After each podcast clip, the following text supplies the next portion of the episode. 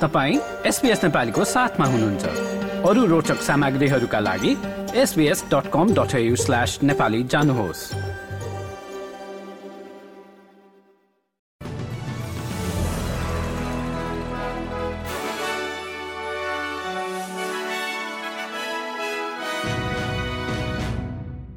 नमस्कार। आज मंगलबार तेह्र फेब्रुअरी सन् दुई हजार चौबिस। अब पालो भएको छ एसबीएस नेपालीमा। आजका प्रमुख अस्ट्रेलियन समाचारहरू सुन्ने र प्रसंग शुरू गरौं क्लोजिङ द ग्याप रिपोर्टबाट आदिवासी र टोरेस्ट्रेट आइल्याण्डर बालबालिकाहरूका लागि सुधार ल्याउन सरकारले एक राष्ट्रिय आयुक्त अर्थात नेशनल कमिश्नर नियुक्त गर्ने बताएको छ।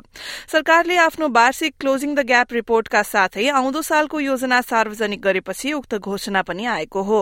आदिवासी समुदायहरूले सामना गर्ने विभिन्न समस्याहरू सम्बोधन गर्ने उद्देश्यका साथ तयार पारिएका उन्नाइसवटा बुँदामध्ये केवल चारवटा पूरा भएको अन्य एघारवटामा केही सुधार देखिएको र बालबालिकाको प्रारम्भिक विकास तथा होम केयर सम्बन्धी अन्य चार क्षेत्रमा परिस्थिति थप बिग्रिएको पाइएको छ। डक्सिङको अपराधीकरणका लागि नयाँ कानून बनाउने संघीय सरकारको उद्देश्यबारे ग्रीन्स पार्टीले आफ्नो प्रतिक्रिया व्यक्त गरेको छ। कुनै व्यक्तिको व्यक्तिगत तथा निजी जानकारीलाई उनको सहमति बिना जानाजानी अनलाइनमा सार्वजनिक गर्नुलाई डक्सिङ भनेर चिनिन्छ।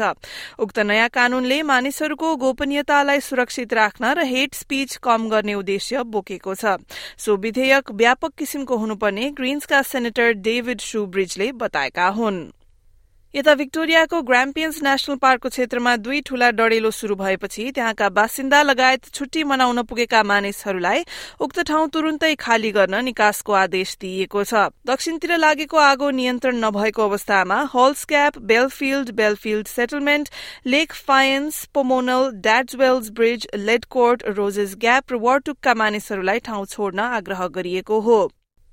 सिडनीको सीबीडीका तीनवटा पार्कहरूमा खतरनाक एस्बेस्टोस फेला परेको छ। अधिकारीहरूले एस्बेस्टोसबाट प्रभावित भएको माटो पात पतिङ्गर आदिलाई निकालिरहेको समयमा दक्षिण पश्चिमी सिडनीको एक प्राथमिक विद्यालयका विद्यार्थीहरू आज घरबाटै पढ्न बाध्य भएका छनृ। खेलकुदमा फुटबल प्रतियोगिता एसियन कपमा हालै भएको अधिकारीहरूप्रतिको दुर्व्यवहारलाई लिएर फुटबल अस्ट्रेलियाले एक बयान जारी गर्दै जिम्मेवारहरू विरूद्ध कड़ा कदम चाल्ने बताएको छ। हालै भएको एक घटनामा इरानमा जन्मिएका रेफरी अली रेजा फगानीले जोर्डन र इराक बीचको राउण्ड अफ सिक्सटिनको खेल शुरू गर्दा अनलाइन दुर्व्यवहारको सामना गर्नु परेको थियो। हस्त एसपीएस नेपालीबाट आजका प्रमुख समाचार यति नै। सुरक्षित रहनुहोस्। नमस्ते।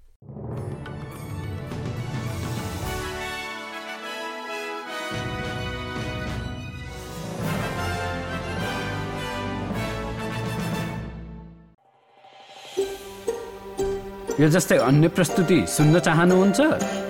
एप्पल पोडकास्ट गुगल पोडकास्ट स्पोटिफाईमा हामीलाई खोज्नुहोस् वा तपाईँले पोडकास्ट सुन्ने अन्य सेवामा।